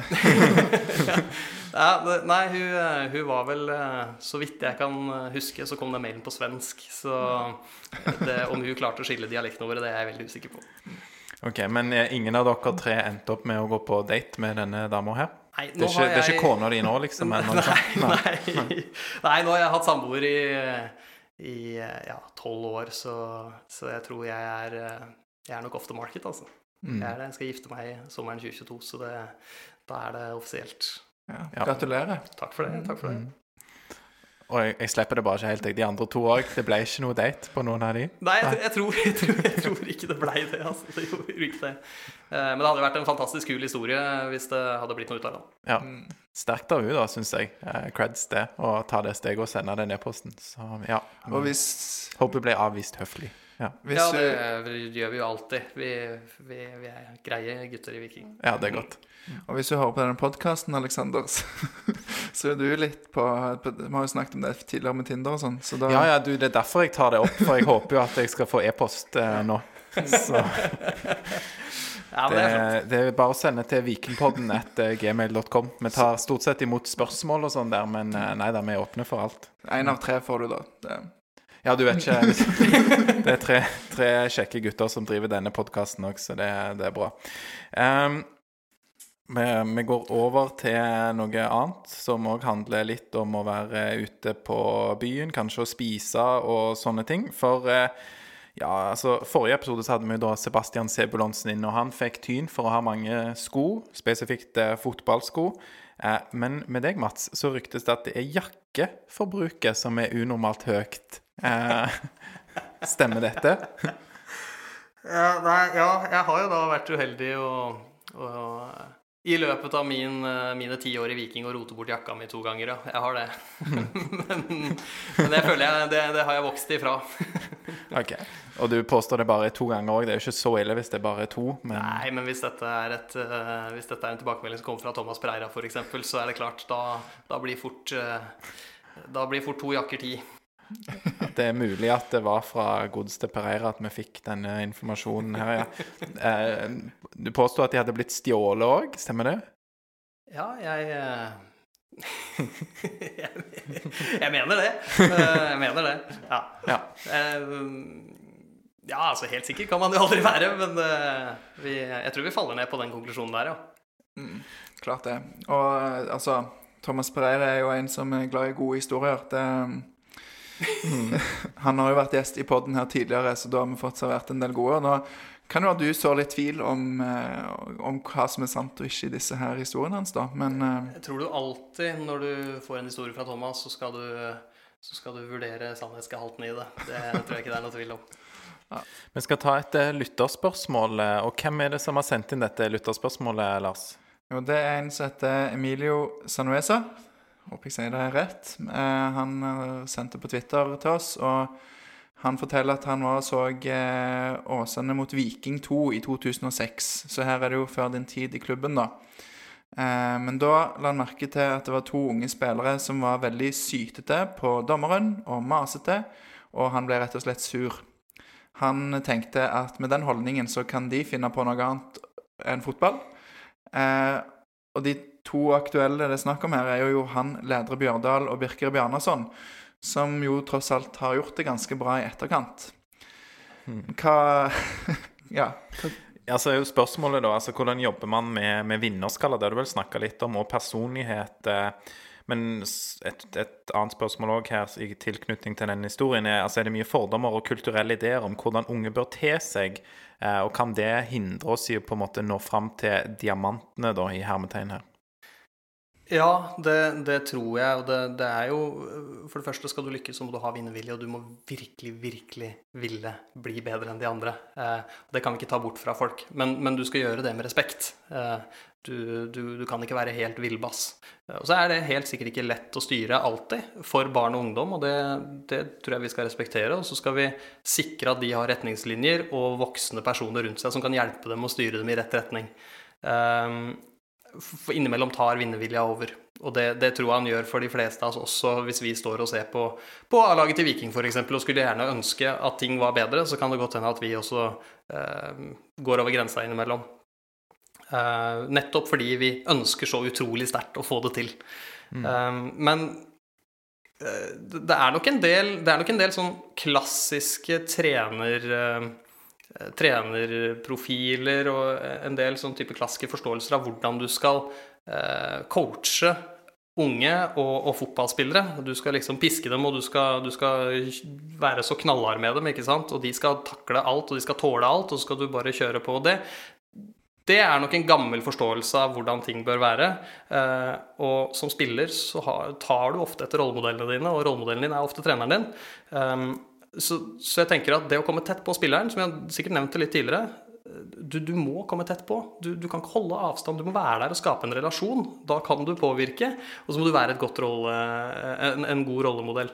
Uh, Og er du det som trener, og du kommer tett nok på spillerne og skaper gode relasjoner, så er det enklere å styre dem i retning også.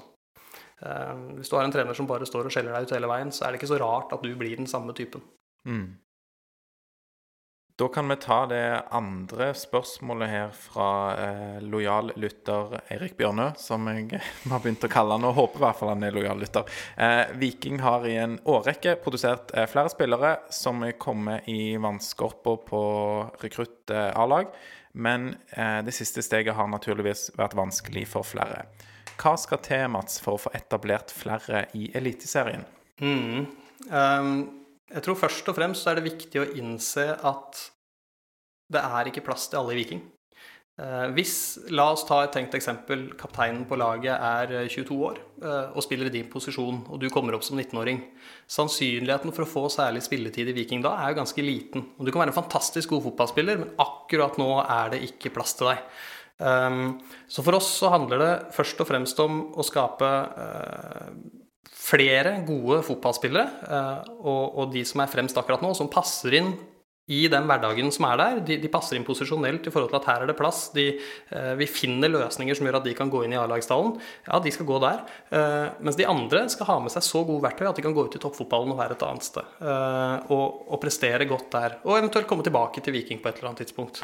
så, så målet vårt må jo være å skape så mange veldig gode fotballspillere som mulig, og så spre de ut i toppfotballen hvis det ikke er plass hos oss. Eh, og vi har jo bare nylig gode eksempler på fotballspillere som har gått ut fra, fra vårt system og blitt fotballspillere i, i, i toppfotballen andre steder.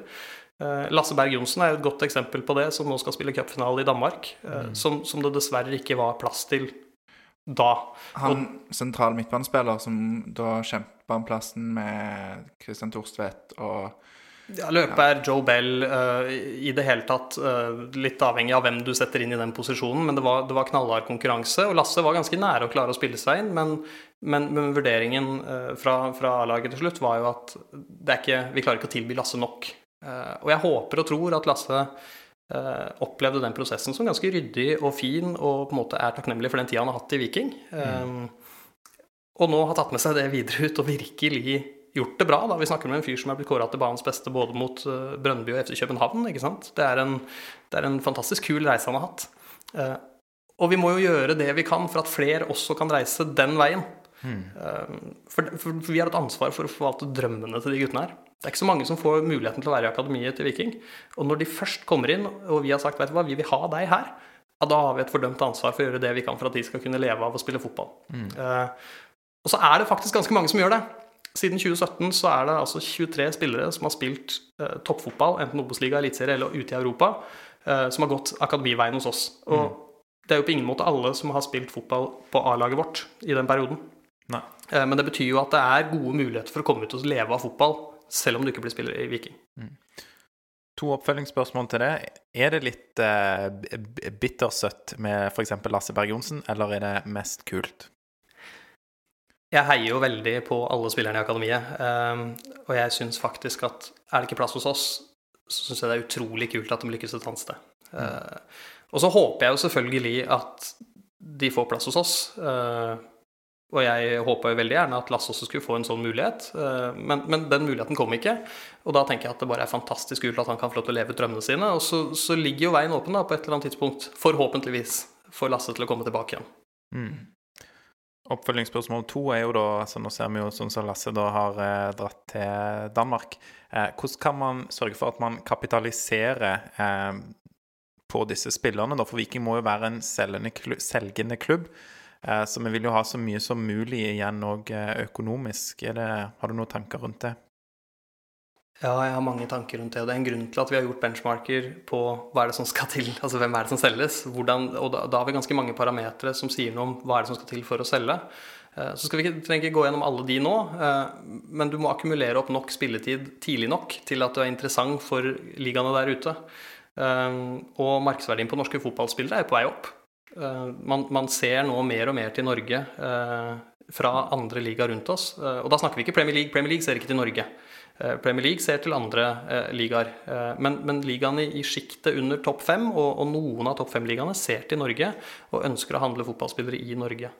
Um, så, så, for oss så, så, er det viktig at markedet har begynt å se den veien her. Uh, det er viktig for oss at vi driver økonomisk forsvarlig og stabilt, så vi har råd til å si nei, vet du hva, det budet der, det er ikke godt nok. Sånn at vi kan sette en standard på, på prisene på spillerne våre som går ut.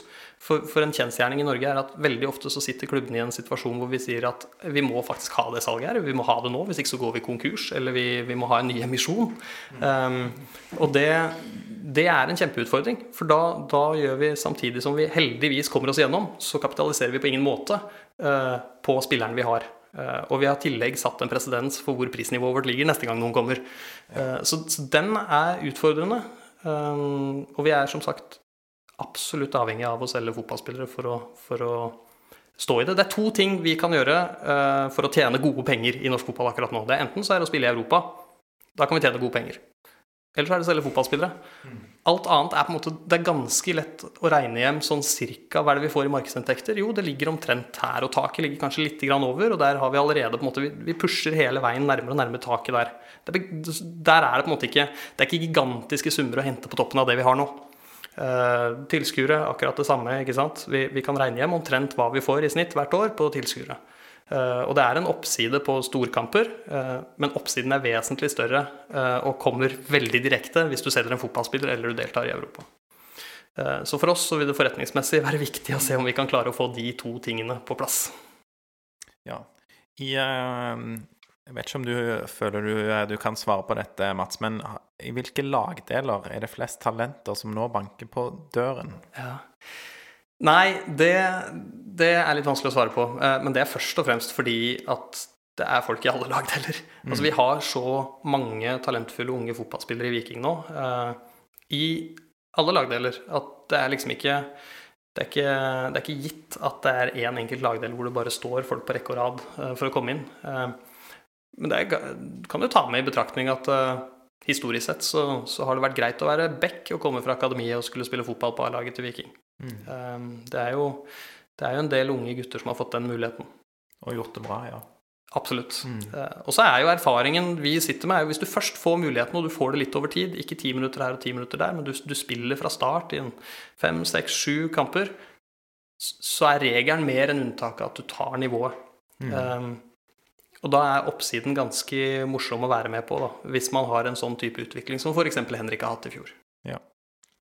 Vi skal ta et uh, siste lytterspørsmål før vi går over til den kategorien som uh, heter annet her på mitt ark. Men uh, siste lytterspørsmålet her er fra Espen Klarholm. Han spør ville Viking ha vært tjent med å ha et bredde seniorlag. Så det er et par underspørsmål. det første, Mats, er Ser du noen problemer med at en Viking junior realistisk sett, etter all sannsynlighet, ikke har noen fremtid som spiller i klubben? Altså Det er jo bare ren statistikk. ikke sant? De som ikke tar steg opp på A-laget, de forsvinner vekk eh, som spillere fra klubben. Og det andre aspektet her som Espen lurer på, er eh, om, om, Viking mister mange som kunne vært eh, voksne ressurspersoner i klubben. da. Sant? de kunne spilt og så kanskje trent side om side med yngre og hatt eh, roller og vært gode forbilder og miljøfaktorer. Mm. Eh, for å ta det første først, så er det klart det, det er ikke så veldig mange som blir spillende i Viking etter juniortiden sin. Um, men de har lært veldig mye på veien, mm. um, som, som, jeg tenker du kan ta med deg både i, i, en eventuell videre fotball, eller en jakt på en fotballkarriere, eh, eller ut i, i livet som sådan. Mm. Um, og så, så, tenker jeg at uh, det med å ha et, uh, et, fotballag eller et ekstra breddelag, uh, ja, det kan gi mening. Jeg tror, jeg tror at det som skjer mellom 18 og 21 år, det er, det er, veldig viktig i en fotballspillers karriere. Mm. Og det å kunne utvide det løpet litt for enkelte, eller flere, eh, vil kunne gi en mulighet for å skape flere toppfotballspillere. Eh, det tror jeg ikke det er noe tvil om. Og så handler jo det om ressurser, og hvordan man skal gjøre det på best mulig måte. Så, så, så det, er ikke noe sånn, det er ikke noe entydig svar på det, men, men det å kunne eventuelt ta et seniorlag til kunne jo vært en, kunne vært en inngang. Ja, da kunne man kanskje da fått en A-lagsspiller eller to til på sikt. Mulig. Ja, eh, det kunne man kanskje fått. Mm. Eh, men, men, det er nok en kjensgjerning også at da måtte det breddelaget vært på et ganske høyt nivå. Eh, for de guttene som går ut av Viking, de går jo Mange av de går 50% av de går ut i annendivisjon eller høyere. Um, så, så spørsmålet er på en måte for, for dette er gutter som lever og ånder og drømmer om å bli fotballspillere. Eh, Men vi skal, men, så, så det er ikke sikkert det er den rette arenaen for dem å gå ut på.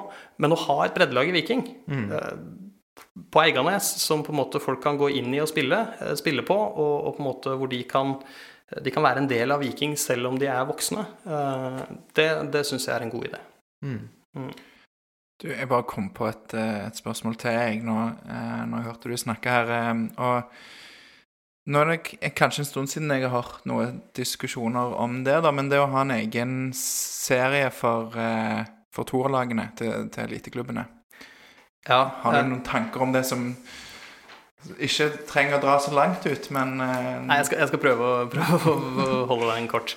Ehm, jeg, skal ikke si så mye om det. Jeg tror at det har vært oppe med jevne mellomrom og kommer helt sikkert til å komme eh, igjen. Um, men de fleste toppklubbene tror jeg er veldig fornøyd med å kunne få lov til å spille med sine tolag i, i seniorfotballen. og kunne spille kamper som teller, og spille om opprykk og nedrykk hele veien. Eh, Og så, så tror jeg det er utfordrende for en del tredjedivisjonslag spesielt, som, som møter disse to lagene hele veien, og som møter et to-lag med bare juniorer ene uka, og så kanskje flere A-lagsspillere med andre uka, og at det blir en konkurranseforskyvning som er vanskelig å forholde seg til. mm. Det skjønner jeg veldig godt at det er eh, kjedelig for, for de andre tredjedivisjonsklubbene. Eh, Og så er det heldigvis noen aldersbegrensninger og sånn knytta til eh, deltakelse i tredjevisjon for toppklubbene, som gjør at eh, det blir ikke så skeivt, men det, det kan allikevel bli litt skeivt, altså.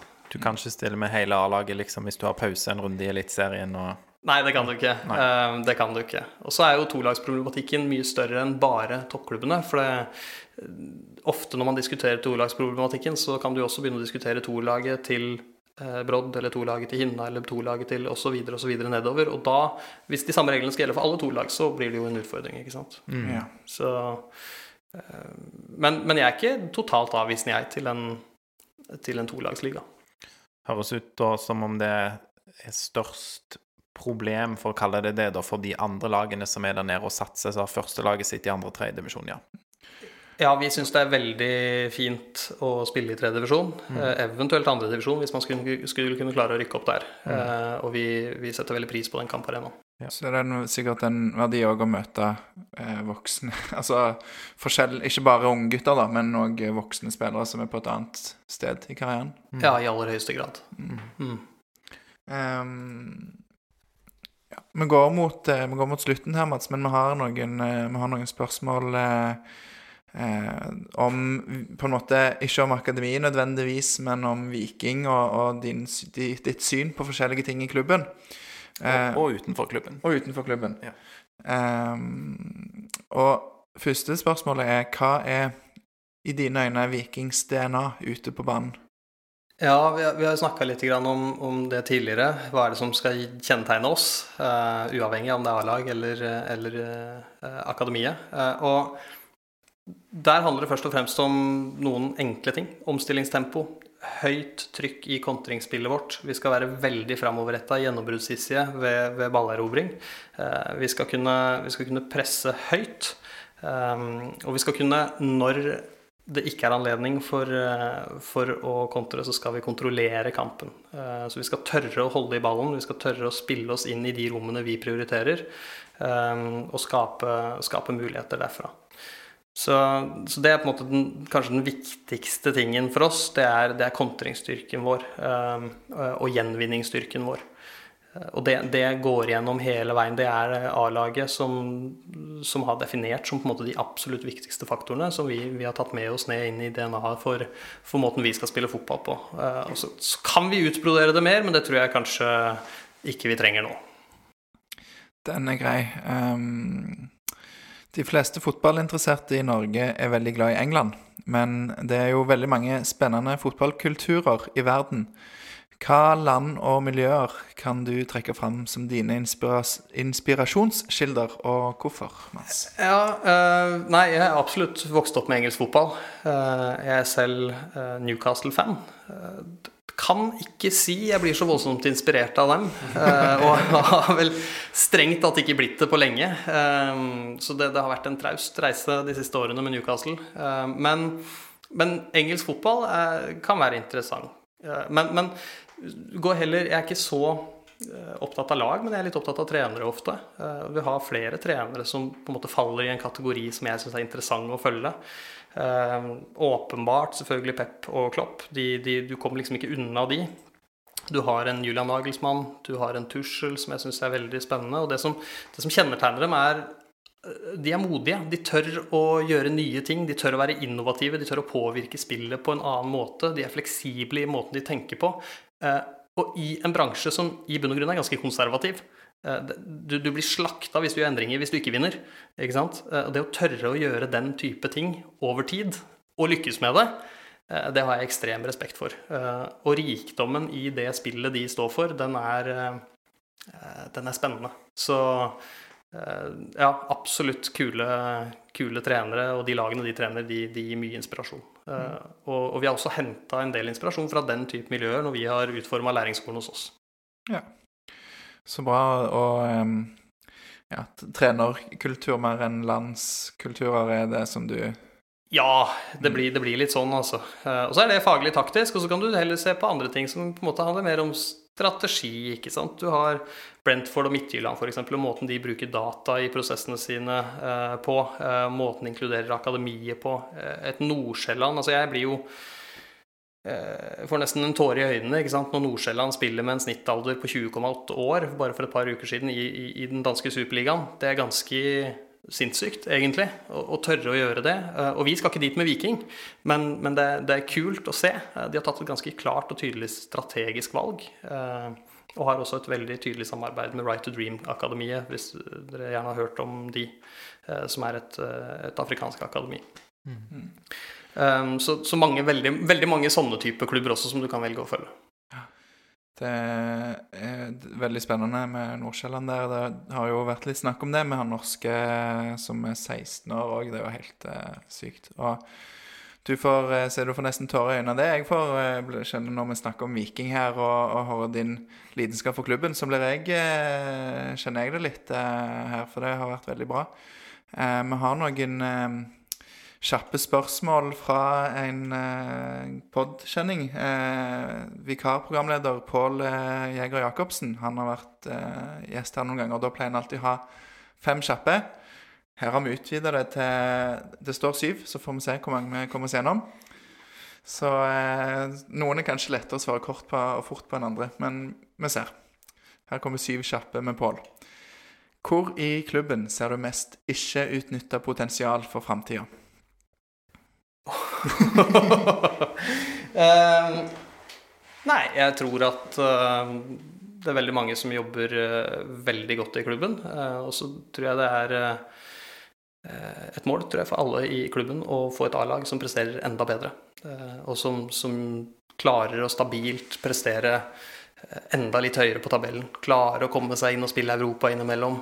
Og samtidig ta vare på Eh, den lokale kulturen og loka det lokale preget. Hvis vi klarer det, så tror jeg det er bra. Og så er det åpenbart at det, vi, vi, driver og gjør mye vi tror er bra i akademiet, men at det er veldig mye vi kan gjøre veldig mye bedre, det er det ikke noe tvil om. Mm. Så A-laget Skjøv den fra meg til Morten og Batty, det var ikke bra. Får jeg kjeft. Syns det var bra. Jeg kjapt svar på den. Eh, hvem er den mest inspirerende personen i administrasjonen?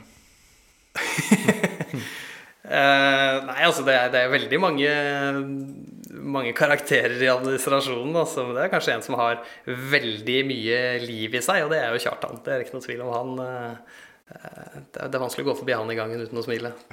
Hvor er hyppig uh, skrøyter Kjartan av at han har vunnet Idol? Hvor mange ganger per kvartal? Du, han trenger ikke skryte så mye av det, for det er veldig mange andre i eh, organisasjonen som klarer å minne på det hele veien. Så, så, jeg tror vel heller han har gått dit at han syns det er litt sånn uggent å bli minna på hele veien. Eh, er det, vil du si han eller andre spiller sangene han er med på mest? Eh, det er nok andre, ja. ja. Neste fra Pål.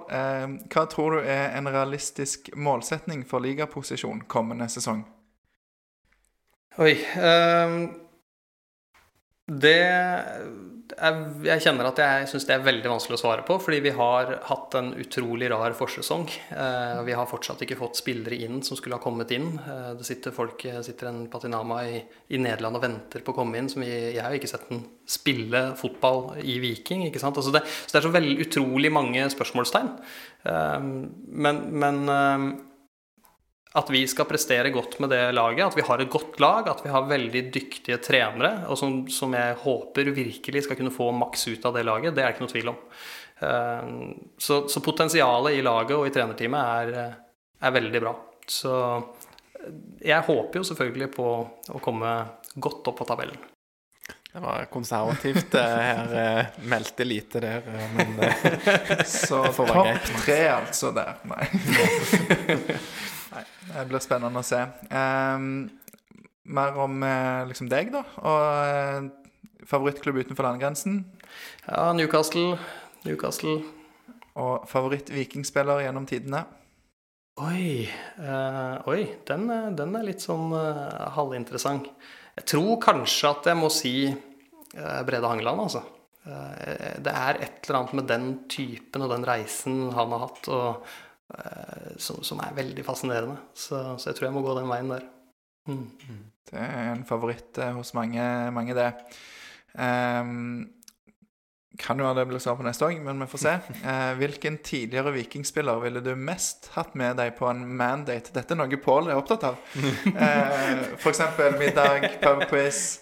Du kan svare nåværende spiller òg, men det er kanskje ikke så poppis.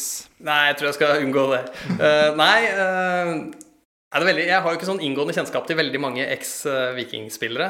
Eh, men jeg, har liksom hørt at det er eh, Peter Kopteff bl.a. var liksom litt sånn eh, Jeg har en, har en, opplevelse av han på avstand fra da jeg var yngre, at det var en jæskla kul fyr. Så det tror jeg hadde vært kult. Ja, det hadde vært kult, tror jeg. Hva med minst, da? Hvem ville du minst hatt med deg på en sånn date? Thomas Pereira. Han, eh, han, skravler nok, ja, han skravler nok høl i huet på meg på jobb allerede, så det, han, får, han, får, holde seg hjemme når vi skal date. og så stjeler han sikkert bare jakken din uansett. Ja, stemmer det. Ja. Klassisk Pereira. Ja. Um, ja, da skal vi ta eh, kjapt, eh, Mats, bare litt om eh, penger i eh, fotballen. Ja. Fordi vi spiller jo denne episoden inn 22.4.2021. Og hvis noen da hører denne episoden om ett år, så kan jo jeg bare forklare at eh, rundt denne tiden så var det en del debatt om et veldig sånn kortlevd fenomen, Super League, som vi heldigvis aldri hørte noe mer om. Eh, fordi ja, det, ingen ville ha noe av det. og Vikingpodden òg eh, meldte jo det at det var de ikke så veldig interessert i. Så da ble det ikke noe mer eh, om det, håper vi. Vi krysser fingrene. Eh, på grunn av at vi meldte det? Ja, eller ikke, det må ikke være på grunn av oss. Mm. All, alle gode krefter kan være med å legge det dødt. Um, men det er jo en, eh, en interessant utvikling, uh, syns jeg. Altså, du har noen eiere der som gjerne vil ha en mer sånn amerikansk modell på ligaene, der du har uh, sikrere inntekter og hvem du konkurrerer med og på, på hva nivå, er ikke avhengig av sportslige prestasjoner og sånne ting. Og tenker for deg som sitter eh, på akademisiden av dette og i en, en ganske liten klubb i europeisk eh, sammenheng, eh, hva, hva, tenker du om dette påfunnet? Og hvor er den europeiske fotballen på vei? Nei, det, og jeg skal være litt forsiktig med å uttale meg for sterkt om dette her, men jeg syns det er et angrep på fotballen da, som vi kjenner den i Europa. Eh, det er veldig lite solidarisk, og, og, og det er klart konkurranseelementet er jo det vesentlige.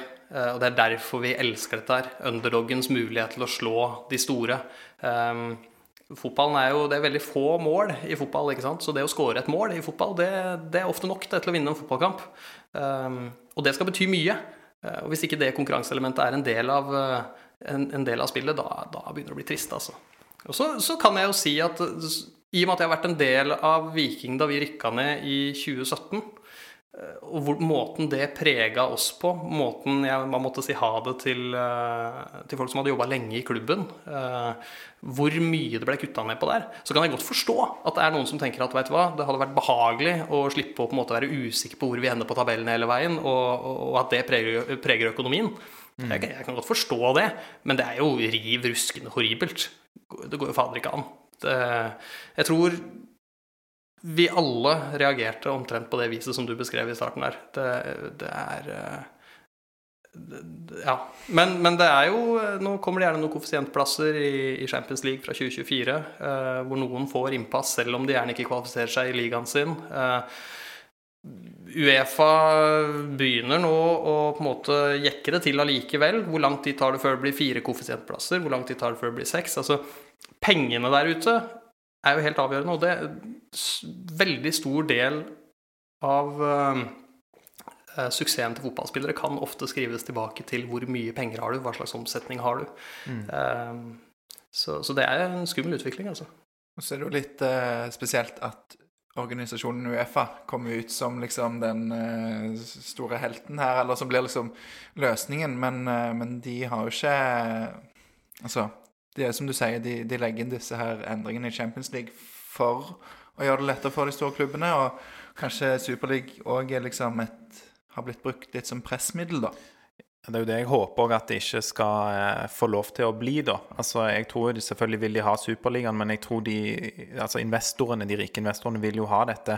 Eh, så tror jeg de tenker at worst case scenario så får de bedre eh, forhandlingskort mot Uefa. Og det ønsker jo jeg at de ikke skal få, selvfølgelig. Men Nei, jeg vet ikke. Men, men, det med koeffisientplasser, i hvert fall da, så er jo det om ikke annet basert på sportslige prestasjoner.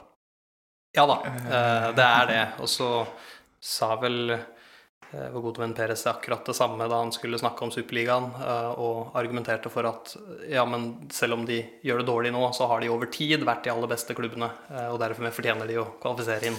Ja, Eh, så jeg eh, Ja. Den, det at du var god for to tiår siden, liksom, burde jo ikke ha noe å si nå. Men at du var god i fjor, kan jo ha litt å Ja, og det, det er vel en, gjerne en femårskoeffisient eller noe sånt når de skal regne inn, så det eh, det ordner seg helt sikkert, men en ting som er helt sikkert, er i hvert fall at penger det kommer til å prege den idretten her framover. Og jeg blir overraska hvis dette er det siste forsøket storklubben gjør på å prøve å grafse til seg enda mer av pengepotten. Det, det klarer jeg ikke å se at det blir. Mm. Og for, sant, det er jo òg for, for eierne så blåser de jo i om fansen kommer fra Manchester, da, eller, eh, eller om de kommer fra Norge, eller om de kommer fra Kina, så lenge de får pengene, pengene til fansen. Um, og så kan vi jo kanskje Jeg tror jo at Henningsen hadde kontroll, altså, men det der India-prosjektet til Viking Nå føler jeg jo litt at, uh, at det var greit å og gå, komme seg unna der, da, for der er jo litt Hvis ikke ville Viking vært i Super League eh, nå, Lars, tenker du, med indiske eiere?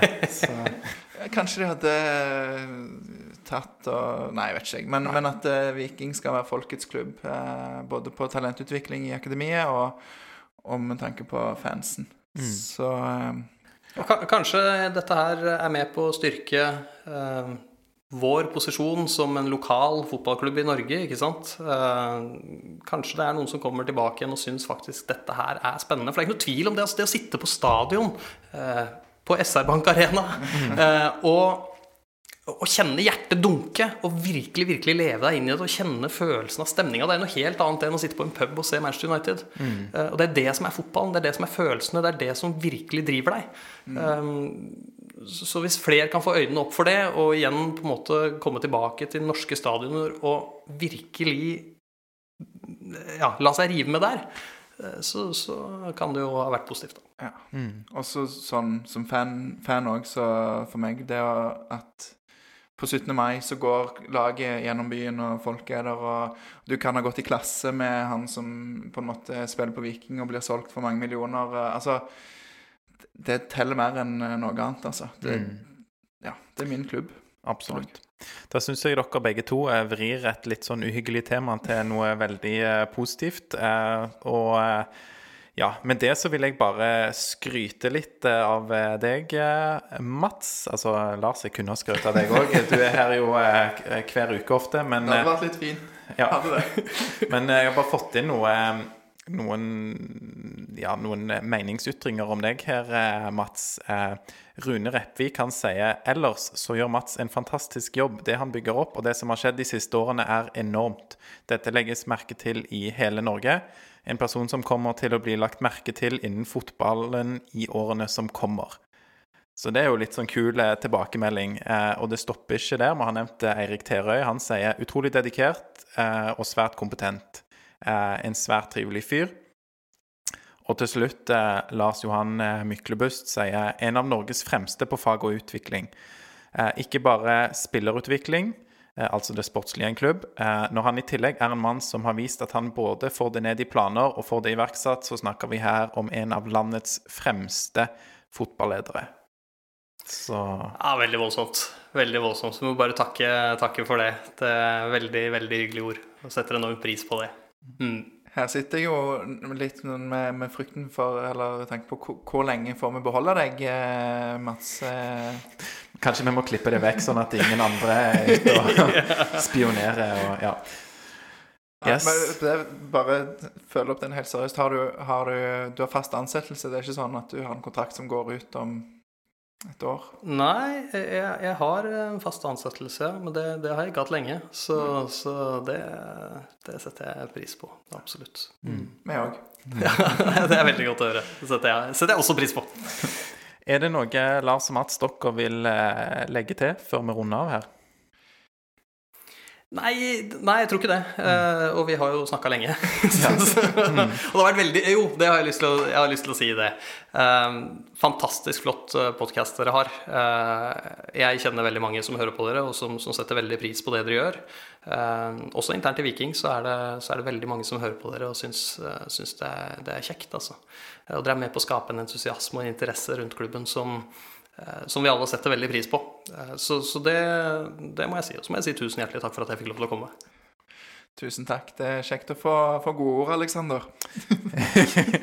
absolutt. Jeg skal skryte litt av deg, Lars, senere, men takk, eh, takk, Mats, for det. Og det er jo absolutt vår motivasjon. er jo å skape blest og men, interesse rundt klubben. Altså, Tusen takk, Mats. Vi har nå, du har jo nå holdt på i Vi har jo sittet her i en hel kamp pluss eh, ekstraomganger. Så Nå, ja. nå, må vi nesten slutte før vi går inn i straffebunken. Det skal vi. Jeg skal bare takke andre. Jeg skal, skal takke alle som har sendt inn spørsmål eh, og annet gøy, inkludert eh, dine kollegaer Mats i Viking, eh, Marius Kloster, Rune Repvik, Thomas Pereira, Eirik Terøy, Lars Johan Myklebust og Bård Finnestsand. Eh, så har vi òg hørt eh, fra Thomas Pereira om at det finnes noen historier om deg som han ikke kunne dele fordi de ikke egner seg på lufta.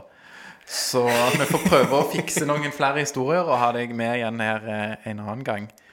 Kanskje vi får høre dem når du uh, synger den der uh, Møtemann-sangen for, for, oss. Så kan det være noen av de dukker opp. Ja, Vi får se om vi får ordna det. det hadde vært kult. Og med det så tror jeg bare vi avslutter sånn som vi pleier. Det vet jo Mats. Det vet du, Mats. Absolutt. Én, to, tre. Heia Viking!